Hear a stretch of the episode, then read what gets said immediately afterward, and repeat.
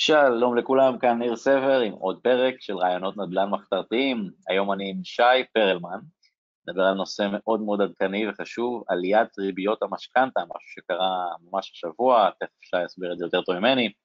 אז שי הוא כלכלן ובעלים של פרל ייעוץ משכנתאות משנת 2014, חברה מובילה בשוק המימון והמשכנתאות, מכהן כחבר הנהלה בהתאחדות יועצי המשכנתאות, עמותה שמונה כ-1,200 חברי ויועצי משכנתאות מקצועיים, וגם מרתוניסט, בשלוש שנים האחרונות הוא רץ שבעה מרתונים מלאים. יפה, יפה, שלום שי. היי, ערב טוב, ניר, או שלום ניר, מי ששומע את זה בבוקר. אז עם מה אנחנו הולכים להתחיל, עם המשכנתאות או מרתונים? אולי גם משכנתה עם מרתון? אז אה, תראה, המרתון הוא בסוף אה, מתחבר למשכנתה, אז משכנתה הרי זה ריצה למרחקים ארוכים, וכך גם המרתון. אה, בסופו של דבר, אתה יודע, אתה לוקח את זה לתקופה ארוכה ואתה רץ עם זה, וצריך לבנות את זה בצורה כזאת שתוכל לרוץ ולהגיע לקו הסיום. אז זה מאוד מתחבר, הנושא של המשכנתאות והמרתונים אצלי, בכל אופן. וכמו שהצגת, אנחנו הקמנו את החברה, אני ואשתי, בשנת 2014, אחרי קרוב לעשר שנים שהייתי בשוק ההון במגוון תפקידים. בשנת 2014 הגענו לתובנה שיש לנו את הערך ואת היכולת אה, לעזור לאנשים אחרים גם להצליח, אחרי שאנחנו עשינו שתי משכנתאות בעצמנו, ו... מעבר לזה, היותי כלכלן, אה, בעל תואר שני וניסיון בשוק ההון, אז למדתי גם את התחום של הייעוץ משכנתאות, ומאז אה, יצאנו לדרך עצמאית. מאז שנת 2014 ליווינו מעל 2,000 משפחות בכל סוגי תהליכי המימון, וכמו שציינת, אז המשרד שלנו, או לא ציינת, אני אציין, המשרד שלנו נמצא ביבנה, ויש לנו עוד צוות של חמישה יועצי משכנתאות שעובדים איתנו, ואנחנו מלווים פרויקטים גדולים, פרויקטים של אה, משקי נדל"ן, אה, משקי, רוכשי דירות אה, חדשות, כאלה שצריכים מימון על הנכס שלהם, והשוק הזה, השוק הזה הוא מאוד מאוד מעניין בשנים האחרונות, כאשר היה לנו עשור שהריבית הייתה אפסית, ומעבר לזה גם האינפלציה, מדד המחיר לצרכן היה אפסי, ובשנה וחצי, שנתיים האחרונות, מאז שהקורונה נכנסה לחיינו, אז השוק הזה כל חודש אה, צובר תאוצה, תאוצה ומשתנה, וכל הזמן יש עדכונים אה, חדשים. והעדכון האחרון בעצם שהיה בשוק המשכנתאות היה ביום שני, כמו שאמרת, הייתה עליית ריבית אה, בנק ישראל. ריבית בנק ישראל הייתה עד יום שני 0.1 והיא עלתה ב-0.25 ל-0.35. אז איך זה באמת משפיע על המשכנתאות שלנו? רגע, אמרנו, אמרנו מ-0.1 ל-0.35 או 0.135? לא, לא, 0.35. היא עלתה ברבע... סליחה? אתה צודק? מ-0.1 ל-0.3? מ-0.1 ל-0.35 היא עלתה בעצם ברבע אחוז. אבל במספרים זה לא פי שלוש? מה אני מבין? לא, לא. לא, לא, לא, זה עלייה בחיבור. עלייה של 0.25 אה, ל-0.35 אחוז, ובעצם ההעלאה הזאת היא משפיעה באופן ישיר על מסלול הפריים. מסלול הפריים זה מסלול אה, אה, שמאוד נפוץ לנוטלי המשכנתאות, בעצם עד שנת 2021 הייתה הגבלה של קרוב לעשור של עד שליש מהמשכנתה אפשר היה ניתן לקחת במסלול הפריים, ובתחילת שנת 2021 זה השתנה לאפשרות לקחת עד שתי שליש אה, מהמשכנתה במסלול הפריים. מסלול הפריים זה מסלול שמורכב מריבית בנק ישראל, פלוס תוספת קבועה של עוגן קבוע שנקרא עוגן אולי, בית. אולי נסביר את זה במילים שיהיה קל לי ולכולם להבין. נגיד בן אדם קנה דירה בשני מיליון שקל, מיליון עם הון עצמי ומיליון עם משכנתה, אז איך זה ישפיע עליו בכסף, מה שאמרת עכשיו? אז טוב, ניגע קודם כל בכסף, אחרי זה נסביר את זה קצת יותר לעומק, אבל נגיד מיליון שקלים משכנתה, עד היום החשיפה הממוצעת, זאת אומרת, הסכום הממוצע שאנשים לקחו במסלול הפריים זה 40 אחוז, זאת אומרת 400 אלף אה, שקלים, כאשר אה, עלייה שהייתה עכשיו ב-0.25 העלתה את הסכום של ההחזר החודשי ב-47 שקלים, 46 שקלים. זה, זה השינוי כרגע, למי שלקח 400 אלף שקל אה, במסלול הפריים.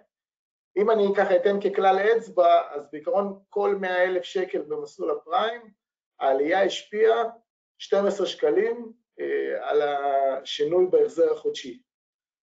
וכל אחד שיש לו את החשיפה לפריים יעשה את החישוב בעצמו. אבל בגדול זה לא דרמטי, לא, לא דרמטי העלייה הזאת. אה, כאשר השוק עצמו, שוק המשכנתאות עצמו, כבר בחודשיים האחרונים אה, החלה עליית הריבית במסלולים הקבועים, במסלולים הקבועים אה, במשכנתה, כתוצאה מכך שהשוק כבר ציפה לזה שתהיה עליית ריבית, האינפלציה, שזה מדד המחירים לצרכן, גבוה מעל 3 אחוז, המלחמה באוקראינה, קורונה, כל זה גרם כבר מלפני חודשיים לריביות הקבועות להתחיל לעלות. כך שהשינוי שהיה ביום שני בעצם כבר אה, מעבר להשפעה על המסלול הפריים כבר תמחר מראש כבר תומחר העליות, העליות במסלול, במסלולים קבועים אפילו מעבר לעלייה הזאת שהייתה.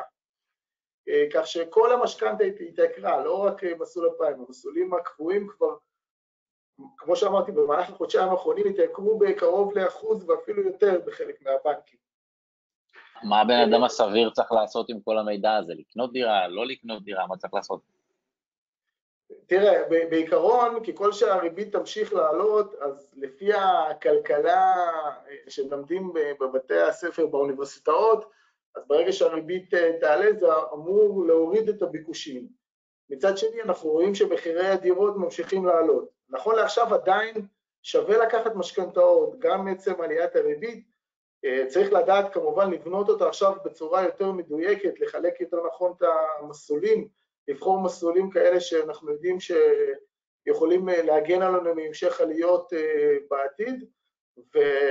אבל עדיין שווה לקחת משכנתאות נכון לעכשיו. אתה מדבר על ההבדל בין ריבית קבועה לריבית משתנה במסלול? סליחה? אתה מדבר על ההבדל בין ריבית קבועה למשתנה במסלול? אני מדבר באופן כללי על המשכנתה כמשכנתה מחולקת לכמה מסלולים, לא רק אה, מסלול okay. אוקיי. אה, משתנה או... כאילו, אז אני אומר, מי, ש, מי שנגיד רוצה שבוע הבא לקנות דירה, מה, מה הוא צריך לעשות כרגע?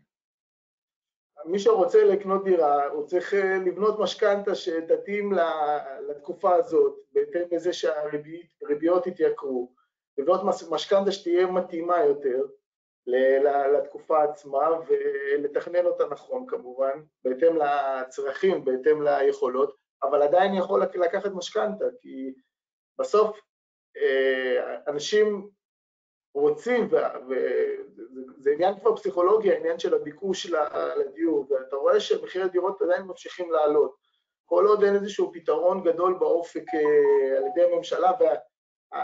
אז אם, אז, אם בעצם גם, אז אם בעצם גם הדירה עולה וגם המשכנתה עולה, אז יש לנו שתי התייקרויות, לא? נכון, נכון, נכון. ולקראת העלייה הזו שהייתה השבוע בריב, בריביות של המשכנתה, שמת לב לאיזה גידול בביקוש לדירות לפני הדבר הזה?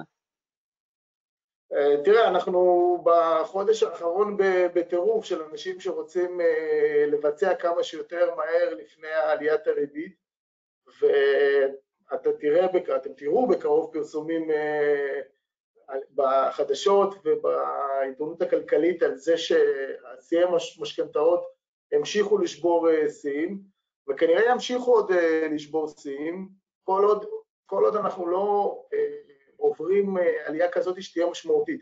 הצפי שבשנה הקרובה, שנה קדימה מפה, אה, הריבית בנק ישראל, לפי, לפי דיווח של בנק ישראל עצמו, אה, הריבית צפויה לעלות לאזור האחוז וחצי, ואז שם כבר אנחנו נראה אפילו התייקרות משמעותית יותר בהחזר החודשי. אה, שזה זה דרמטי? זה אמור לבלום את הלקיחת משכנתאות וקניית דירות? אז לפי, ה, לפי התיאוריה הכלכלית, אז עליית הריבית אמורה להוריד, כן, היא אמורה להוריד יותר מהשוק אנשים עם יכולת החזר נמוכה יותר, בעיקר זוגות צעירים שיש להם גם פחות הון עצמי וצריכים יותר משכנתה, וגם שיש להם יכולת החזר נמוכה יותר. אז או שהם יעזרו בהורים יותר שזה מה שהופך להיות נפוץ אה, יותר בשנים האחרונות, או שכן, ירכשו דירות זולות יותר, או שיצאו מהשוק.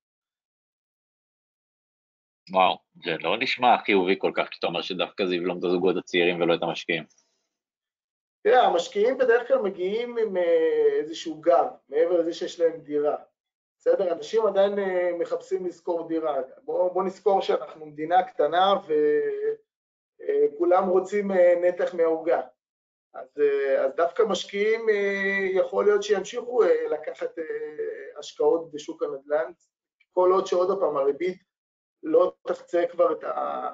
לא יודע, זה 5% בריביות הקבועות, שזה כבר אולי ישפיע יותר חזק על, ה, על הכדאיות מבחינת התשואה שהם יקבלו על הדירות. פעם מומחים שהבאתי לפאנל ושאלתי אותם מה אתם חושבים על מחירי הדיור, הדיור בחמש שנים הקרובות, אמרו לי, אנחנו חושבים שזה יעלה. מה אתה חושב על ריביות המשכנתה בחמש שנים הקרובות, גם יעלו? הצפי בשנה הקרובה, שנתיים הקרובות, אה, שהריביות יעלו, אבל אני לא חושב יותר מדי, כי מה שאנחנו רואים עכשיו, גם במדד אה, מחירים לצרכן, אינפלציה, וכתוצאה מכך גם כעליית הריבית, כי בעצם עליית הריבית זה הכלי הכי חזק של בנק ישראל אה, להוריד את האינפלציה, להכניס אותה לגבול היעד, זה התפקיד המרכזי שלו אפשר להגיד. אבל כל מה שקורה עכשיו, כל העליות מחירים האלה זה השלכה ישירה מהקורונה, כל הסגרים שהיו, הפגיעה אה, בשינוע והמחסור שנוצר גם בעקבות המלחמה, אז גורם לעליית מחירים וזה טבעי.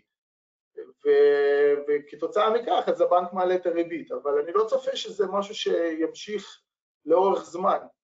כי במצב הקיים שהיה גם בעשור האחרון, שזה בעצם הכלכלה החדשה, זה שאנחנו נמצאים במצב שיש תחרות אה, גדולה והמחירים לא עולים אה, כמו שהגופים אה, מתייעלים וכך מצליחים למכור יותר. אז ברגע שהמחירים לא עולים, זאת אומרת האינפלציה לא עולה, אין סיבה משמעותית להעלות את הריבית.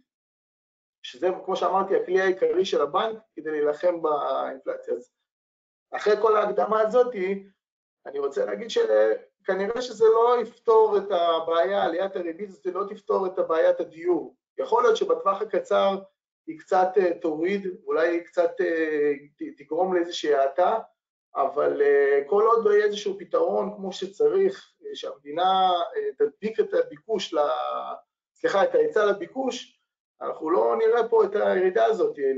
במונחים של כלכלה נראה שהביקוש לדיור הוא קשיח, לא גמיש, כאילו לא משנה מה עושים, הוא ממשיך להיות, לא? במיוחד בישראל, ש, שיש פה אפקט פסיכולוגי שדירה זה בעצם מוצר בסיסי, מוצר שאנחנו קונים כמו שאנחנו קונים לחם וחלב במכולת, אז כל אחד, אה, אתה יודע, אחרי שהוא מתחנן, מתחתן, אז הוא צריך דירה, ואנחנו מדינה קטנה בסופו של דבר, הבנייה פה לא מספיק מואצת. יכול להיות שההתחדשות העירונית דווקא בעשור הזה, שזה דעתי הקטר שיהיה בעולם הנדל"ן, אה, ולא התוכניות האלה של דירה בהנחה למיניהם, שזה אחיזת עיניים, כי אה, בסוף הדירות האלה, אתה יודע, אנשים שזוכים במחיר למשתכן, דירה להנחה, זה, זה השם החדש, אה, כל הדירות האלה בפועל יהיו מוכנות בעוד חמש שנים, רובם כי רובם הם בלי היתרים בכלל. אז אה, זה לא באמת אה, משהו שפותר את, ה, את בעיית ההיצע. ואיך שאני רואה את זה, אה, ההתחדשות העירונית היא באמת משהו שיכול להיות שיתפוס תאוצה יותר ויותר, זה כבר אנחנו רואים ש, שזה משהו שמתקדם יותר ויותר בערים שונות. אני לצורך העניין גם קניתי דירה להשקעה בבת ים מתוך מחשבה של פינוי-בינוי, שהערך של הדירה תעלה. ו... ואני חושב שבחמש שנים הקרובות אולי תהיה האטה, אבל בגדול הכיוון הוא עדיין להמשיך עלייה כל עוד לא יהיה פתרון אמיתי. אז, אז בעצם אני מנסה כאילו לרכז את זה למסקנות פשוטות, אז בעצם אתה אומר, עדיין כדאי לקנות כי כרגע זה נראה גבוה, אבל בעתיד זה במילא יותר גבוה, אז כן כדאי לקנות, זה בעצם המסקנה? אולי קצת לעשות את זה נכון? זו, בדיוק, זו, זו בדיוק המסקנה, שעדיין משתלם אה, לקנות. יכול להיות שאנחנו עוד פעם נדבר עוד חצי שנה, שנה, שהריבית כבר תהיה כמו שאנחנו צופים, ויכול להיות שזה באמת יגרום לאיזושהי האטה שפחות אנשים יוכלו לקנות, ואז אנחנו נראה איזשהו שינוי מגמה, אבל אני לא צופה, זאת אומרת, זה לא משהו שהוא טבעי, השינוי מגמה הזה, כל עוד לא בונים מספיק, כל עוד לא, על הביקוש הזה שאתה מדבר, כל עוד, כל עוד אין מספיק היצע. אז אוקיי, אז אולי יש דרכים יותר חכמות ונכונות לקחת משכנתה? אולי אתה רוצה לדבר על זה? תראה, היום, היום יותר ויותר הדגש הוא על התמהיל, על הרכב המסלולים אה, במשכנתה. אם לפני שנה שהכל היה זול, אנחנו, היועצי המשכנתאות, שהיינו בונים את התמהילים, אז היינו מדגישים את החשיבות של החלוקה, אם לקחת, אה, כמה לקחת בפריים, כמה לקחת בריבית קבועה, כמה לקחת בריבית שהיא משתנה כל חמש שנים. היום זה הופך להיות אפילו יותר חשוב, החשיבות של בניית התוכנית המשכנתה. זאת אומרת, יש היום לא מעט דרכים יצירתיות להתגבר על, ה, על העלייה הצפויה ולבנות משכנתה שתהיה יציבה יותר, להתגבר גם על האינפלציה ו, ולבנות מש, תוכנית משכנתה שהיא נכונה וחכמה, כזאת שבאמת תתאים לצרכים של כל אחד בהתאם ל, לעסקה שהוא עושה. ודווקא אני יכול להגיד שדווקא אה, בעקבות עליית ריבית הפריים, דווקא עכשיו יותר שווה אפילו לקחת יותר בריבית הפריים. אה, אנחנו למשל עד אה, עליית הריבית היינו לוקחים 40 אחוז במסלול הפריים, והיום אנחנו כבר יותר מתקרבים לכיוון ה-50 אחוז, בין 47 ל-50 אחוז, דווקא למרות עליית הריבית שהייתה. הסיבה הפשוטה זה שעדיין הפריים זה המסלול הכי זול, ומה ששיתפתי קודם לכן, בחודשיים האחרונים הריביות במסלולים הקבועים הפכו להיות יקרים משמעותית. עכשיו, כשאתה לוקח משכנתה ל-25-30 שנה, רוב האנשים עושים שינוי במשכנתאות בין 7 ל-10 שנים. אז אה, אם אתה לוקח מראש במסלולים היקרים יותר, בריביות הקבועות, אתה לוקח אה, אה, לתקופה ארוכה, אבל בפועל סוגר את המשכנתה או חלק ממנה אחרי 10 שנים, אז מראש שילמת ריבית גבוהה יותר. אוקיי, okay, אז, אז מה, מה אתה ממליץ לעשות עם כל ה... כאילו זה המון מידע שקשה לעכל, אני מנסה איכשהו לזקק את זה לטיפים פשוטים, מה, מה צריך לעשות בפועל? אז, אז בפועל, אה, עכשיו שלוקחים משכנתה, אה, דווקא שווה להגדיל את הרכיב של הפריים, אבל עדיין לא לחצות את ה-50% מה, מהמשכנתה עצמה, מהסכום שאנחנו לוקחים, נגיד לקחנו מיליון שקל למשכנתה, אז לא לעבור את החצי מיליון אה, בפריים. לקחת ריבית קבועה היום אנחנו לוקחים ריביות אה, גבוהות בין 35 אה, ל-40 אחוז מהמשכנתה עצמה ולשלם עוד 10 אחוז, 15 אחוז בריבית שמשתנה כל חמש שנים שיש לה תחנות. ואז אפשר להגן על עצמך גם מעליית הריבית ועדיין לקבל ריביות שהן סבירות ולקחת משכנתה טובה. כן. Yeah. אה, יש עוד דברים חשובים שאתה רוצה לגעת בהם, או שאני אנסה לחשוב על שאלות יצירתיות בעצמי? אה, תראה, בוא נדבר רגע על מי שיש לו משכנתה קיימת, אז uh, מי שיש לו משכנתה קיימת, כמו שאמרתי, נפגע על כל 100 אלף שקל בעלייה של 12 שקלים. Uh, אבל עצם זה שעלו הריביות הקבועות משמעותית, היום המחזורי משכנתה הופכים להיות פחות, פחות ופחות רלוונטיים. זאת אומרת, עדיין יש אה, משכנתאות שנבנו, אה, שאנשים לקחו אותן בין 2016 ל-2019, שיכולות להיות יקרות יותר ובעיקר מאוד צמודות למדד. הרבה אנשים באותה תקופה אהבו לקחת אה, משכנתאות צמודות למדד, זה, זה לא עניין של אהבו, כי כל מי שהלך בלי יועץ משכנתאות, אז הבנק מכר לו את זה באופן טבעי, משכנתאות שיותר צמודות למדד, ועכשיו בעקבות המדד ועליית הריבית אז שווה למחזר אותם, אבל המחזורים הופכים להיות פחות uh, כדאיים עכשיו. Uh, האפשרויות uh, נוספות שיש לנו עכשיו בתקופה הזאת זה עדיין אם יש לו חובות בנוסף למשכנתה אז למחזר לתוך המשכנתה ואפשר ככה להקטין ולשפר את התזרים החודשי.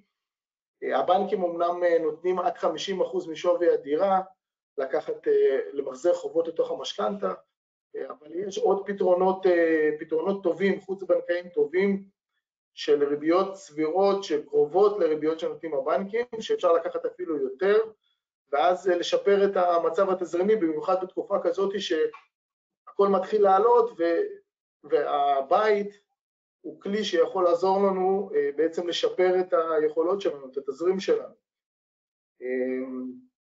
מעבר לזה, אני יכול להגיד שכמו שאמרתי מקודם, עדיין שווה להשקיע, עדיין שווה לרכוש נדל"ן, בעיקר להשקיע נכון בעצמך, זה, זה הקודם כל, ולשמוע פודקאסטים כמו שלך, וכאלה שנותנים הרבה מאוד ערך, ו, ולהתפתח קדימה. איזה עוד, איזה עוד מידע חשוב בתחום המשכנתאות אתה חושב שכדאי שיהיה לאנשים בקבלת החלטה? כשאנחנו מגיעים להחלטה של לרכוש דירה ולקיחת משכנתה, אז אנחנו צריכים לעשות תכנון כלכלי נכון, זה השלב הראשון. זה בעצם נכון גם לכל דבר בחיים, לפני שהולכים איזשהו, עושים מהלך, אז צריך קודם כל שיהיה איזשהו מהלך בראש, איזושהי מטרה גדולה שרוצים לעשות, אבל מעבר לזה צריך שיהיה גם תכנון נכון של הדברים, ולא יכולים לצאת לדרך ולקחת, העיקר לקחת. צריך לתכנן את התהליך הזה, ובמיוחד המשכנתה. בסוף זה כלי מאוד טוב כדי למנף את עצמך ולרכוש דירה או דירות, ומה שחשוב זה התכנון. אנחנו לצורך העניין, אנחנו מלווים בית ספר לנדל"ן, 100 ימי נדל"ן של יובל שוורצמן וגם מנדלסון, זה קורס מטורף. אה, יובל לדעתי אצלנו בפודקאסט שבוע הבא, אני אפשר לדעת. יאללה, בכיף. אז יש להם קורס מטורף למשקיעי נדל"ן. אני יכול להגיד שכל המשקיעים שם שאנחנו מלווים, הם מגיעים בכלל עם אג'נדה של לקנות שתי דירות להשקעה ומעלה, זה האג'נדה שהם מקבלים בקורס. וזה ה mindset שככה הם מקבלים אותו, ואנשים שם יוצאים בטירוף. ויפה להגיד שיש הרבה תוכניות שאפשר לבנות, תוכניות מימון שאפשר לבנות כדי ליישם את זה. לעתים גם לקנות דירה אפילו בלי הון עצמי, זה, זה היופי של המימון והמינוף. והכל מתחיל בתכנון נכון, ש, שמה, ש, שמה שאני יכול להגיד הכי חשוב בתכנון הזה זה היכולת ההחזר שלנו, עד כמה אנחנו יכולים להחזיר. הרבה פעמים ההשקעה בעצם מכסה את המשכנתה, אבל יש לפעמים מקרים שאתה, שזה לא מכסה את המשכנתה ואתה צריך לשים עוד כסף מהכיס. זה לא הופך את זה ללא כדאי, כי לדוגמה אם אתה עכשיו אה, קונה דירה ואתה מקבל שכירות 3,000 שקל אה, והמשכנתה היא 4,000, אז בסך הכל מש, משתתף ב-3,000 שקל, שהוא מכסה את כל הריבית וחלק גדול מהקרן, ואתה בעצם שם עוד 1,000 שקלים מהכיס שלך ומשתתף איתו בשחיקה של המשכנתה. זה כמו השקעה הפוכה, כמו שאתה שם בשוק ההון לצורך העניין. זה השקעה, זה חיסכון בסופו של דבר. וזה בעצם אה, אה, עדיין אפשרות טובה כדי להתקדם. ותכנון נכון שאנחנו יודעים כמה יש לנו יכולת החזר, כמה אנחנו יכולים להחזיר למשכנתה בהתאם להכנסות, ההוצאות שלנו, אה, הלוואות קיימות, זה כלי מרכזי בכל תהליך כזה, כי מימון אפשר למצוא בהמון מקומות. אני אומר לך שאנחנו ליווינו לא מעט משקיעים שקנו דירה בלי שהכניסו שקל אחד מהכיס, זאת רק על ידי מינוף, ועשו עסקאות מדהימות. כשאתה אומר מינוף, אתה מתכוון שהם לקחו הלוואה על סמך דירות שכבר היו להם? גם הלוואות על סמך דירות שהם לקחו, ש, שהיו להם, וגם הלוואות שהן לאו דווקא אה, מדיוק, כמו הלוואות הצטרפות, הלוואות על חשבון קופות גמל, קרנות השתלמות, יש לא מעט מקורות שאפשר אה, אה, לקבל מהם מימון טוב, מימון טוב וזול, שיכול לשרת אותנו כהון עצמי, ואז בתוספת לזה לוקחים את המשכנתה. מעניין, זה אולי דווקא רעיון יצירתי ששווה לשים עליו רגע את הזרקור. אם לאנשים יש נכסים כמו דירות, או כמו אולי קרנות פנסיה וכאלה, הם בעצם יכולים להשתמש בהם כבטוחה, לקחת משכנתה, ואז בעצם לקנות דירה בלי שהם צריכים עכשיו להוציא כסף מהבנק, הבנתי נכון? כן, רק שצריך לתת פה איזושהי נקודה חשובה, שלפני חצי שנה, בנק ישראל הוא מנסה ככה להתערב בשוק הנדל"ן, אה, שזה לא התפקיד שלו, אבל הוא מנסה לצנן אותו כי הוא רואה שהממשלה לא מצליחה, אז הוא הגביל בעצם את האופציה לקחת דרך הבנק, עד אז היה אפשר לקחת מהבנק על הדירה שלך אה, מימון ועל דירה נרכשת, ואז להגיע למצבים של 100% אה, אפילו, לא ומעלה, אבל עד 100%. ובשישי לעשירי 2021 הוא עצר את החגיגה הזאת ונתן הוראה לבנקים שאוסרת לקחת אם יש לך דירה, לקחת משכנתה עליה כדי לקנות דירה נוספת. אבל אתה יודע, אנחנו בשוק משוקלל, ולפרצה הזאת נכנסו גופים חוץ-בנקאיים טובים, כמו חברת כלל, חברת מנורה, חברת טריה, בקרוב מיד חברת הראל, חברת הפניקס, בקרוב מאוד גם מתכוונים להיכנס לשוק מימון ישיר, הם נכנסו בעצם לפרצה הזאת ומאפשרים לקחת הם את המימון על הדירה הקיימת ובתנאים שלא רחוקים מהבנקים. יש לנו לפעמים הצעות שאנחנו מקבלים שבאותו נקודת זמן שהיה אפשר לקחת את המימון הזה אפילו יותר זולים מהאפשרויות האלה. אז, אז אפשר לקחת, צריך רק להכיר את כל הפתרונות מימון ו, ושוב לבנות תוכנית מדויקת למשפחה שיכולה לעמוד בזה לאורך זמן. מעניין. דיברת הרבה על אה, המושג תכנון נכון, אתה רוצה להסביר מה זה תכנון נכון, איך עושים את זה? תראה, תכנון נכון בסוף מתחיל מיכולת ההחזר שלנו. אנחנו uh, צריכים לבחון כמה הכנסות אל מול הוצאות יש לנו, כמה מבחינת ההכנסה, פחות ההוצאות של המשק בית, וכמה נשאר לנו אחרי שאנחנו מורידים את ההוצאות לדיור, כמה נשאר לנו חיסכון שוטף בכל uh, חודש. ואז לפי זה אנחנו יכולים לבנות תוכנית uh, מימון. זאת אומרת, אנחנו יכולים לדעת כמה אנחנו יכולים לשלם אפילו אקסטרה, במידה וה... כמו שאמרתי, השכירות לא מכסה את המשכנתה. זה התכנון הכלכלי, ממש לשבת, כשאנחנו עושים פגישות ייעוץ עם הלקוחות שלנו, אנחנו עוברים אה, בעצם... חושב אולי שעדיף להימנע ממצב שהשכירות לא מכסה את המשכנתה? לא, לא, אני, אני לא, כמו שאמרתי, זה, יש, יש את המושג של תזרים שלילי שהוא נותן קונוטציה שלילית, אה, אבל בפועל, תחשוב על זה, אתה קונה דירה, אה, דירה שכנראה שהערך שלה יעלה, אמרתי אני והרבה לפניי, אה, ומעבר לזה, הסוחר ישחוק איתך ביחד את המשכנתה. הוא ישלם, תראה, נגיד אם מ-4,000 שקל תשלום חודשי, אז היום זה בערך, בערך חצי תשלום ריבית. אז תחשוב שהסוחר משלם 3,000 שקל, הוא משלם את כל הריבית, משלם לך את כל הריבית, ומשתתף איתך גם בתשלום הקרן. אז, אז כאילו אתה צריך לשים כסף מהכיס, אבל בפועל אתה משקיע בשחיקה של הקרן.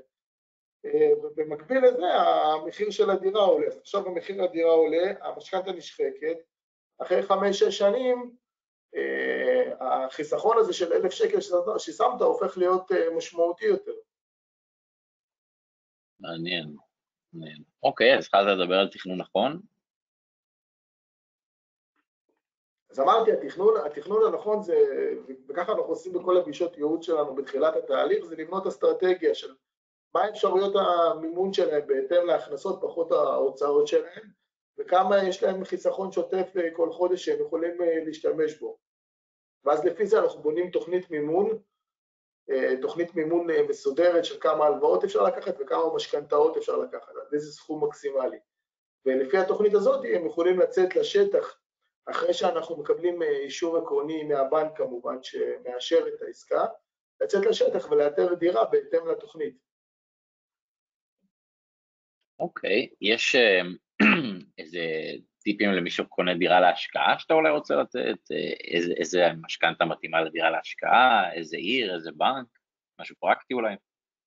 אה, איזה עיר? זה, זה אני פה, זה שבוע הבא אתן לך יותר טיפים, יובל, אבל מבחינת הבנקים, בגדול, אפשר להגיד שהיום בתחרות, במצב שנוצר של עליות הריבית, אז uh, היום עדיין רוב הבנקים uh, מתחרים, הבנקים הגדולים הם uh, יותר חזקים, הקטנים יותר הולכים ללקוחות שלהם, בטח הקטנים כמו בינלאומי, מרקנטיל, כאלה שיכולים יותר לתת פתרונות ללקוחות שלהם, אבל עדיין הבנקים הגדולים של, שזה מזרחי, לאומי, דיסקונט, פועלים, עדיין טובים עבור לקוחות שלהם ולקוחות נוספים. בגדול הטיפ הכי גדול זה לקחת עכשיו את החופש הזה, את החג הזה, ו- ולהתחיל לחשוב לצאת מה- מהעבדות הזאת לחירות. אני, אני מאמין בנדל"ן, הרבה מאוד שנים בנדל"ן, הייתי גם בשוק ההון, גם שוק ההון זה משהו שאנחנו צריכים להשקיע בו, אבל על שוק ההון אתה לא, לא יכול לקחת מינופים יותר מדי, אז uh, הנדל"ן זה בסופו של דבר עם היכולת לקחת מינוף של משכנתה, זה בסוף זה משהו שאני מאמין בו שיכול לקדם אותנו כלכלית. אז... לקחת לעשות... ממשקיע קטן שיש לו 300 אלף שקל ולאפשר לו לקנות משהו במיליון שקל. נכון, נכון. מישהו של 300 יכול לקנות בגדול אפילו עד uh, כמעט מיליון 100. אה, סליחה, מיליון 200, נכון. יש איזושהי דרך אולי לנהל משא ומתן, לקבל תנאים טובים יותר?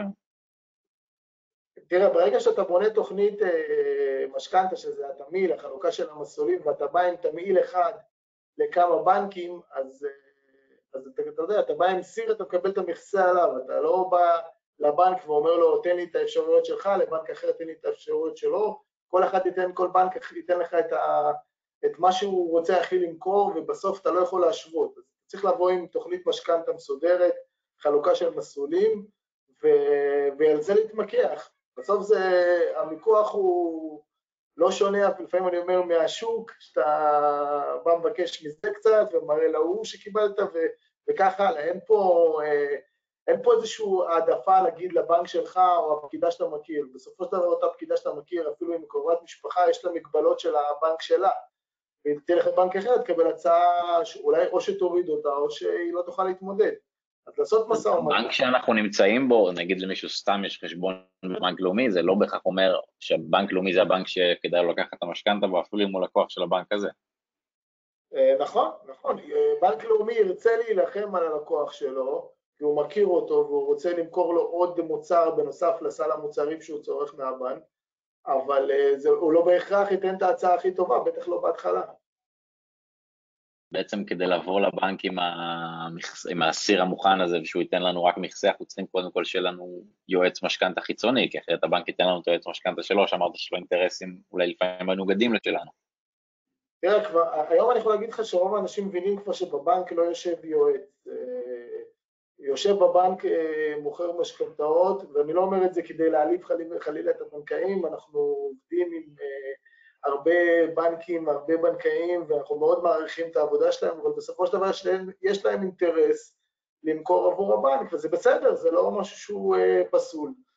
וכשאתה מגיע לבנק, אתה צריך להכיר את חוקי המשחק. אז שאתה, אתה יודע, כמו שאתה לא תלך לבית משפט אה, לבד, וכמו שאתה לא תלך, אה, תתקן את הרכב שלך לבד, אותו דבר, אתה, במשכנתה, שזה החלק העיקרי ברכישה עצמה, מאוד מומלץ ללכת עם יועץ, ורצוי שיהיה יועץ רשום בהתאחדות יועצי המשכנתאות בישראל, שכמו שאמרת בהתחלה, זה היום זה הגוף הכי גדול שמאגד יועצים, יש, יש לנו רגולציה פנימית, מבחנים שעושים, כל הזמן מתעדכנים בידע הכי עדכני והכי חדש שיש, יש לנו קבוצות אה, וואטסאפ, אה, עשרות קבוצות וואטסאפ, וכנסים שאנחנו עושים כדי שהיועצים יהיו מעודכנים בכל יום במידע הכי עדכני שיש, שידעו את הריביות בכל הבנקים. אה, בסוף זה כלי וזה כוח.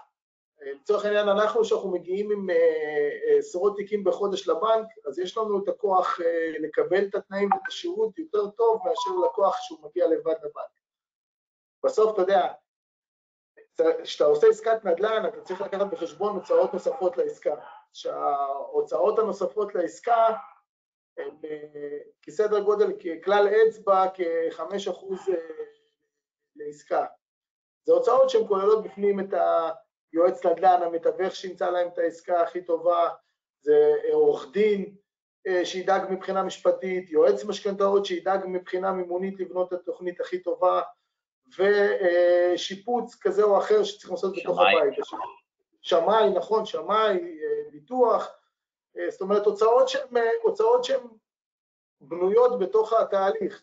אתה יוצא לעסקה לקנות דירה, אתה פשוט חייב שיהיה לך צוות מנצח, שיוריד אותך... אבל יש הרבה אנשים שהם לא חושבים שהם צריכים יועץ משכנתה חיצוני, אומרים, יש לי את ליז מהבנק, היא יכולה לייעץ לי. האמת, האמת, אני יכול להגיד לך שנכון להיום, מהמידע שאנחנו מקבלים ישירות מהבנקים עצמם, חצי מהנוטלי המשכנתאות משתמשים בשירותים של יועצי משכנתאות. זה אומר שיש חצי שלו. איך?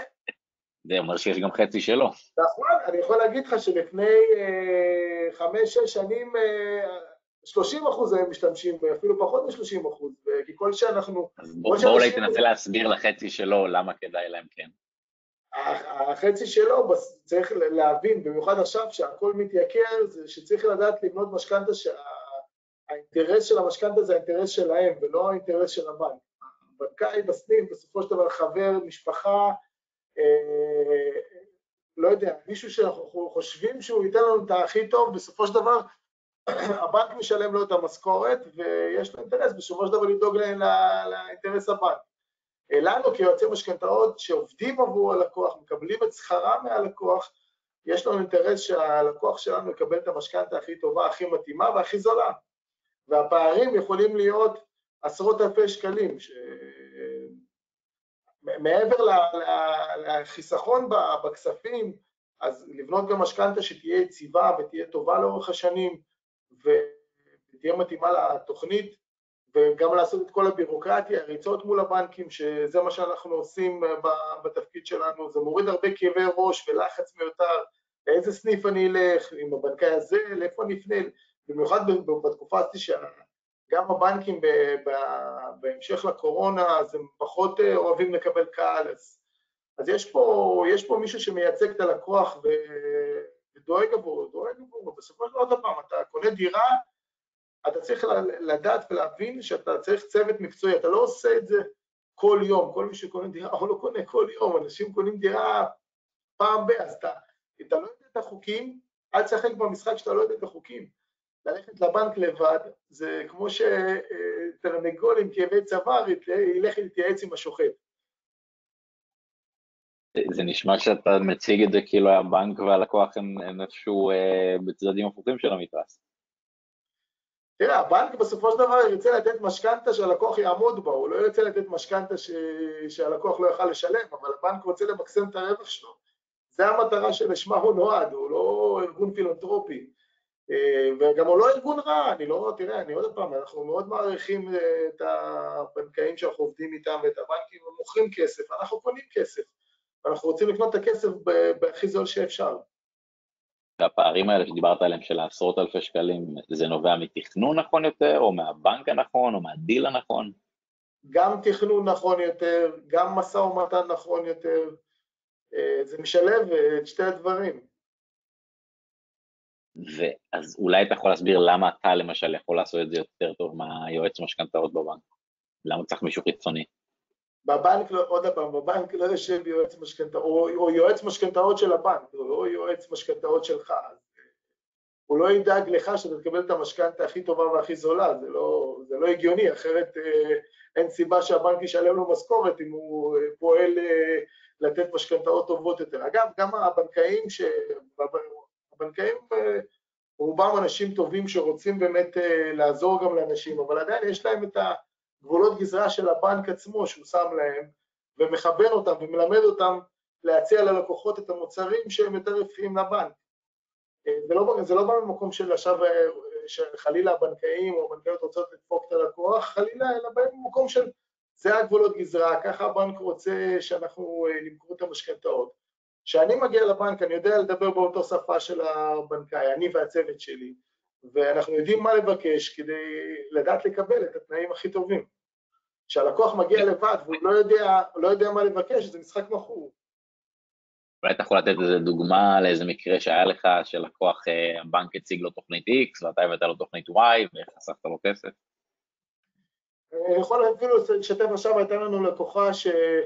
אנחנו אה, ניהלנו משא ומתן אה, בין שתי בנקים והחליטה ללכת לבנק אה, נוסף, לקחה בעצם את ההצעה שנתנו לה והבנקאי נתן לה הצעה אחרת, לכאורה יכול להיות במצב רגיל שאם היא לא הייתה הולכת איתנו אז היא הייתה לוקחת את ההצעה הזאת, בפועל ההצעה הזאת שמזינים את זה לתוכנה מקצועית, לתוכנה שיודעת לנתח את המסלולים, את התחזיות קדימה אז, אז אתה באמת רואה את המספרים, רוב האנשים אין להם את הכלים האלה. וכשהזנו את התוכנית שהבנקאי נתן לה, שרוב המשכנתה הייתה שם בריביות מאוד יפות, נמוכות, אבל רוב המשכנתה הייתה צמודה למדד, אל מול מה שאנחנו בנינו לה, אז הפער היה שם מעל 100,000 שקל עלות ריביות והצמדה. ו... חסכת ללקוח 100,000 שקל? אנחנו, זה, זה, זה, זה משהו שהוא לא אה, דרמטי, אני יכול להגיד לך שיש לקוחות שעכשיו היה לנו מחזור משכנתה שחסכנו מיליון שקל. אה, זו אומנם הייתה משכנתה מאוד גבוהה. אה, מיליון שקל מדירה? סליחה? מיליון שקל מדירה אחת? כן, כן. זו משכנתה גבוהה, מאוד משכנתה גבוהה שהייתה, הייתה גם מסלולים יקרים, גם ריביות יקרות, ועשינו מחזור, הספקנו לעשות את המחזור לפני שהתחילו עליית הריביות, וחסכנו סכום אסטרונומי, אבל 100 אלף, 130 אלף זה בערך הממוצע של החיסכון. עכשיו אני אומר לך, אותה לקוחה, אם היא לא הייתה איתנו, יכול להיות שגם אם מישהו מביא לה את התמהיל שאנחנו בנינו, כנראה שהבנקאי היה מצליח לשכנע אותה לקחת את התוכנית שהוא הציע, כי שם זה היה נראה כאילו הריביות יותר נמוכות. אבל בזכות הידע שלנו, ידענו לכוון אותה, לא, לא להתפשר ולא לקחת את התוכנית הזאת, בסוף אותו בנקאי הסכים, אה, הוא לא רצה להפסיד אותה, או בסוף הבנק רוצה להרוויח, גם אם זה פחות הוא רוצה להרוויח, לא רצה להפסיד אותה, והסכים לתת לה את התוכנית אה, שאנחנו בנינו, אבל בריביות יותר טובות. מעניין. רגע, אז איך בפועל זה קרה? איך חסכתם לה את המיליון שקל? לא, לא, הרבבת פה. עכשיו, אני, אני דיברתי על הלקוחה ש... שעשינו את התוכנית וחסכנו לה 100 אלף שקל. המיליון שקל זה דוגמה שהייתה לנו עם אה, לקוחות שהיה לה משכנתה מאוד גבוהה, אה, משכנתה של בערך 2 מיליון שקל ומעלה, והמסלולים והריביות שם היו מאוד גבוהות, לא תואמות את התקופה. אה, ובעצם המחזור, גם שינוי של המסלולים, היה להם מסלולים צמודים עם ריביות של קרוב ל-4%, אז גם השינוי של המסלולים למסלולים לא צמודים ובאותה תקופה בריביות יותר נמוכות, אה, גרם לחיסכון הזה. אפילו הצלחנו לקצר תקופות מעבר לזה ששינינו מסלולים, ולהשאיר אותם באותו החזר חודשי. אז אולי, אולי שווה כל חמש שנים להסתכל על המשכנתה ולראות מה אפשר לשפר? שווה להסתכל אחת לשנה-שנתיים על המשכנתה. אה, ממש עד כדי כך? כל שנה? כן, כן מי שלקח ב-2020, 2021, 2020 אני מדבר איתך על אה, אחרי, אחרי חודש אפריל, אחרי שיצאנו מהסגר הראשון, עד סוף 2021 המשכנתאות אה, היו זולות, מי שלקח בשנת אה, סוף 2014 עד לקראת סוף 2015, גם שם המשכנתאות היו זולות, אבל ברוב התקופות המשכנתאות היו יקרות יותר, אז שווה לבדוק. גם המסלולים משתנים לאורך השנים, בהתאם לתקופה. עכשיו, עכשיו יש לנו מסלולים שלא היו רלוונטיים לפני uh, שנה. כל הזמן יש עדכונים, אז אתה צריך להיות עם האצבע על הדופק, זה בסוף כמו כל השקעה לכל דבר, זה השקעה הפוכה, כן? הבנק נותן לך כסף כדי שאתה תשקיע, תקנה דירה. פה אתה צריך לעקוב אחרי זה. אולי מה שקורה, בגלל שהבנקים הם בעצם בתחרות אחד עם השני כל הזמן על הלקוח, אז הם מנסים להיות אטרקטיביים יותר, אז אתה צריך לוודא שלך אולי תמיד את ההצעה הכי אטרקטיבית כלפיך. כן, אחרי שבנית את התוכנית הכי נכונה, התמהיל של המשכנתה הכי נכון, אז כן, צריך לעשות את המשא ומתן עם הבנקים, לא להתפשר. אה, מי שעושה את זה לבד, כן, אז צריך ללכת אה, לכמה בנקים. כשאנחנו מגיעים, אז אנחנו יודעים בכל עסקה, יש לנו, יש עשרה בנקים ב- בישראל, אז אנחנו יודעים לדעת מי מהבנקים יותר רלוונטיים לכל עסקה, ואז לכוון אליהם גם, גם אה, אה, לרכז את המאמץ במקום הנכון, ותכלס לקבל גם את התנאים הכי טובים, וגם לחסוך זמן בכל הריצות המיותרות בין בנקים שבכלל לא רלוונטיים. יש לנו עכשיו דוגמה לקוח שהוא מתעקש אה, שנבדוק בעוד בנקים, וכל פעם הוא רץ לבנקים שאנחנו לא בחרנו ללכת איתם וחוזר אלינו, טוב, הם לא, לא חוזרים, לא רוצים, אה, לא מגיבים, אנחנו יודעים מי, מי רלוונטי לכל עסקה ובכל מימון ולכל לקוח. אז אנחנו פונים אוטומטית לאותם הבנקים עושים משא ומתן יעיל, עד שהם מקבלים את התנאים הכי טובים ומשם אפשר להתקדם. והלקוח לא צריך להיות מעורב, לא צריך לרוץ בין הבנקים, יכול לקבל את כל המידע בשקיפות לאורך התהליך ולהגיע בסוף לחתימות. מעניין, ואתם גם ממשיכים להיות בפולו-אפ על לקוחות, נגיד אם מתקשרים אליו עוד שנה, שנתיים לעדכן אותו שהיה איזה עדכון ואפשר לשפר משהו? לגמרי, כל הלקוחות שלנו, אנחנו אומרים, כשאנחנו מתחילים את התהליך, שאנחנו לא סוגרים עסקה, אלא פותחים מערכת יחסים. משכנתה רצה ל-20, 25, 30 שנה, אנחנו כל הזמן זמינים גם לשאלות, וגם אה, אחת לשנה אנחנו שולחים אה, הודעות ומיילים ללקוחות שלנו, אה, שיש את הצורך ואת האפשרות לעשות בדיקה. ואם יש אופציה למחזר ולחסוך עוד כסף, אז, אז אני חושב שזה צעד מבורך שכל אחד צריך לקחת. אין מה שאתה אומר, אז אני חושב שאולי צריך לשנות קצת ההסתכלות, ממשכנתה זה לא איזה פעולה שאתה עושה כמו אה, לא יודע, לקנות אוטו, בסדר, קניתי, המשכתי הלאה בחיים שלי, זה בעצם כמו איזה תיק השקעות, שאתה צריך בעצם מנהל השקעות, שהוא כל שנה ישים על זה את העין שלו בעצם. כן, לגמרי. תראה, זה צריך להיות גם אחריות אישית של כל אחד אה, לעשות את הבדיקה הזאת. ומי שלקח יועץ משכנתה, אז רוב יועצי המשכנתאות, אם זה לקוח שלהם, אז אה, יכול להיות שבשנים הראשונות אפילו לא, לא לוקחים אה, אה, עלות על הבדיקה, וגם כאלה שלוקחים עלות על הבדיקה זה סדר גודל של בין 100 ל-200 שקלים על הבדיקה, וזה כמו שאתה לוקח אה, רכב לטסט, לראות שהוא טוב. הרבה פעמים אני אומר, אנשים אומרים לי, רגע, אז למה שילמתי לתשלום של משכנתה טובה? אז אני אומר להם, יופי, בשביל לדעת שאתם באמת לא פראיירים ולא משלמים יותר ממה שצריך. או כמו שאלה שעוברים את הטסט, אז הם יודעים שה... שהאוטו האוטו טוב, ולמרות שהם שילמו כסף, אז הם יכולים למשוך, להמשיך לנסוע בבטחה, בלי דאגות שפתאום יתעוררו לאיזשהו אה, החזר חודשי גבוה, או ריבית שהצטברה, או מדד שהצטבר. אז אה, זה חשוב לעשות את זה, צריך להיות אחריות אישית גם לדברים האלה, כי זה בסוף הכסף הגדול. קרה לך שנגיד בשנה מסוימת הלקוח היה לו טוב להיות בבנק לאומי, ואחרי שלוש שנים פתאום העברת אותו לבנק אחר, כי זה היה יותר נכון? חד משמעי, הבנקים אה, בכל, יכול להגיד לך שזה ברמה של כמעט אה, כל רבעון אפילו, שיש לך בנקים יותר טובים, כי יש להם יעדי מכירות, תמיד יש איזשהו בנק כזה או אחר שהוא מוביל, ולא בהכרח זה, זה יהיה הבנק שלקחת ממנו את המשכנתה. אנחנו נעבור בנק פתאום? כן, יש, זה, זה לא פתאום, זה תהליך שנקרא מחזור חיצוני, אה, וכן, זה, זה פעולה שעושים, אה, כמו שלוקחים את ה... שקונים את הדירה, אז יש כמה פעולות שצריך לעשות של רישום משכנתה, אבל אה, זה משהו שבהחלט אפשר לעשות. כמו איזה סוג של איזון פורטפוליו כזה, נגיד, אה, בין מניות לאגרות חוב פעם בשנה? כן, לא, לא, לא, כמו שאמרתי, לא, זה לא בהכרח יהיה אחרי שנה, אבל אני אומר, אחת לשנתיים צריך לבדוק. גם השינוי לא, לא בהכרח יהיה גם כל שנתיים, אבל, אה, אבל בהחלט כדאי למחזר כמה פעמים במהלך המשכנתה את המשכנתה עצמה. זה משתנה גם אתה יודע, זה גם משתנה בהתאם לאופי המשפחה. עכשיו, כשלקחו את המשכנתה הם הרוויחו X ובעוד כמה שנים הם מרוויחים הרבה יותר, אז אפשר לקצר את המשכנתה. אה, יש, יש הרבה אפשרויות שאפשר לעשות. אני חושב על השיחה הזו בתור marketer, שני bullet points חזקים שקופצים פה זה אחד, אה, איך חסכת ללקוח מיליון שקל במשכנתה, זה אולי יכול להיות ה title של ההרצאה עם יותר אנשים. ושתיים, שמשכנתה זה לא פעולה שאתה עושה, זה השקעה לטווח ארוך, שאתה צריך שהיא תהיה מנוהלת כל הזמן למקסום רווח, או הקטנת הוצאות, שזה כמו מקסום רווח.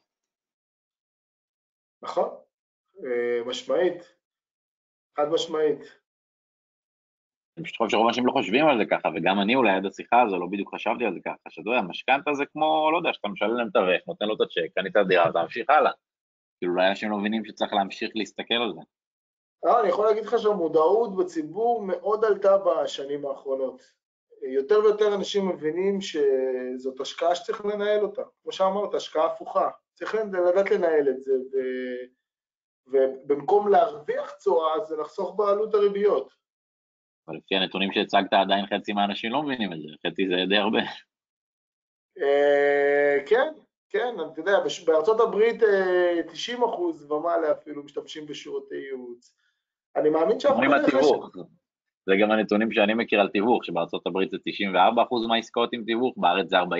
כי הישראלים תמיד מנסים לחסוך ולעשות הכל לבד, אבל לפי מה שאתה אומר זה יכול דווקא לגרום להם להפסד. כן, אני, אני יכול להגיד לך עכשיו, במיוחד אה, שגם אמרתי, המחירים עולים והמחירי ריביות עולים, אז אנשים יותר ויותר מבינים ויבינו שצריך להשתמש באיש מקצוע שזאת העבודה שלו, והוא צריך, הוא, הוא בעצם מהצד שלהם מייצג אותם. הרי מה, מה אנחנו עושים בסופו של דבר? אנחנו משתמשים בקשרים שלנו, בידע שצברנו, בכוח קנייה שיש לנו, ו... ובעצם את זה אנחנו מנצלים לטובת הלקוחות שלנו. נכון שעבור זה משלמים עבור השירות, אבל הרווח והשקט הנפשי, וזה שאחר כך יודעים שהם חותמים על משכנתה טובה, משכנתה שתלווה אותם במשך ל-20, 25 או 30 שנה, אז זה שווה, שווה את השכר טרחה ושווה את ההוצאה הזאת, או ההשקעה הזאת יותר נכון, כמו לבחור אה, מתווך שידע לאתר להם את העסקה, או לעשות את המשא ומתן עבורם, ועורך דין שידאג להגן עליהם מבחינה משפטית. זאת אומרת, זה משהו שהוא must בתוך העסקה. אני חושב שהיום אנשים... אתה יכול להסביר איך בוחרים את היועץ משכנתה הנכון? Uh, תראה, קודם כל בוא נתחיל מזה שרצוי מאוד uh, לבחור יועץ משכנתה שהוא חבר בהתאחדות uh, יועצי המשכנתאות. מעבר לזה לבדוק את הרקע שלו, לראות אם יש לו ניסיון uh, כלכלי, אם יש לו איזשהו תואר כלכלי, אם הוא עבד בבנק, אם יש לו את ההבנה הכלכלית, uh, לבדוק, uh, לראות מה הניסיון שלו, אולי ליצור קשר עם לקוחות היום דוקטור גוגל אה, מספק אה, מידע, מידע הכי עדכני שיכול להיות, ובהחלט זאת, זאת הדרך הנכונה לבחור אה, בעל מקצוע, צריך לבדוק, לעשות שיחה עם אותו יועץ, לשמור אותו, לראות את ההבנה שלו, ולא לבחור רק בגלל המחיר, כי אתה יודע, תמיד יש מישהו שהוא נותן שירות זול יותר, אבל לא בהכרח הוא ייתן את השירות הטוב יותר. אגב, אגב, אגב, אני לא שכחתי, שכחנו לציין, אני, בתחילת שנה יצא ספר שלי, משכנתה, העיקר שתעשו את זה נכון. זה ספר שעבדתי עליו שנה וחצי אה, מאמצע, מחודש יוני 2020, תחילה, אמצע, תחילת הקורונה נגיד ככה, אה, והספר נותן תובנות אה, איך צריך לעשות את התהליך הזה נכון, מאיפה, ממה צריך להיזהר ומה המסלול שהם עוברים עד שהם אה, לוקחים את המשכנתה. אז כדאי גם לקרוא ספרים, יש הרבה אינפורמציה, אז אני חושב שזה משהו שיכול באמת לעזור לאנשים להיכנס לתהליך הזה נכון. כן, אנחנו יחסית לקראת סוף השעה, אתה רוצה אולי לעשות איזשהו סיכום קצר ואז להגיד איך אפשר לפנות אליך? אה, אז אה, הסיכום הקצר הוא אה, תמשיכו להשקיע ותעשו נדל"ן, אבל בעיקר תשקיעו בעצמכם, שהדרך ההתפתחות האישית להתפתחות הכלכלית זה הדרך הנכונה. והמשרד שלנו נמצא ביבנה, עוד מעט, עוד אותו אנחנו עוברים עוד חודשיים לנס ציונה, לפארק המדע, למשרדים חדשים. אז אה, קודם כל מוזמנים להגיע למשרד, והטלפון אה, שלנו זה טלפון ליציאת קשר, זה 053-255-4575,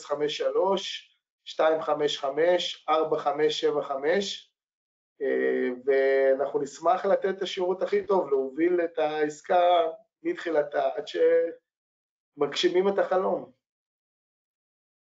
יפה, אז תודה רבה לך על הזמן והתובנות, זו באמת שיחה כלכלית אה, מעמיקה, אז אה, תודה רבה על המידע ועל הטיפים.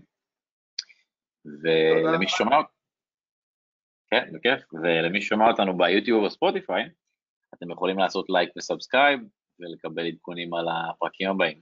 אז אה, זהו לבינתיים, נכון שי? בהצלחה. בהצלחה לכולם ונתראה בפרק הבא. ביי בינתיים.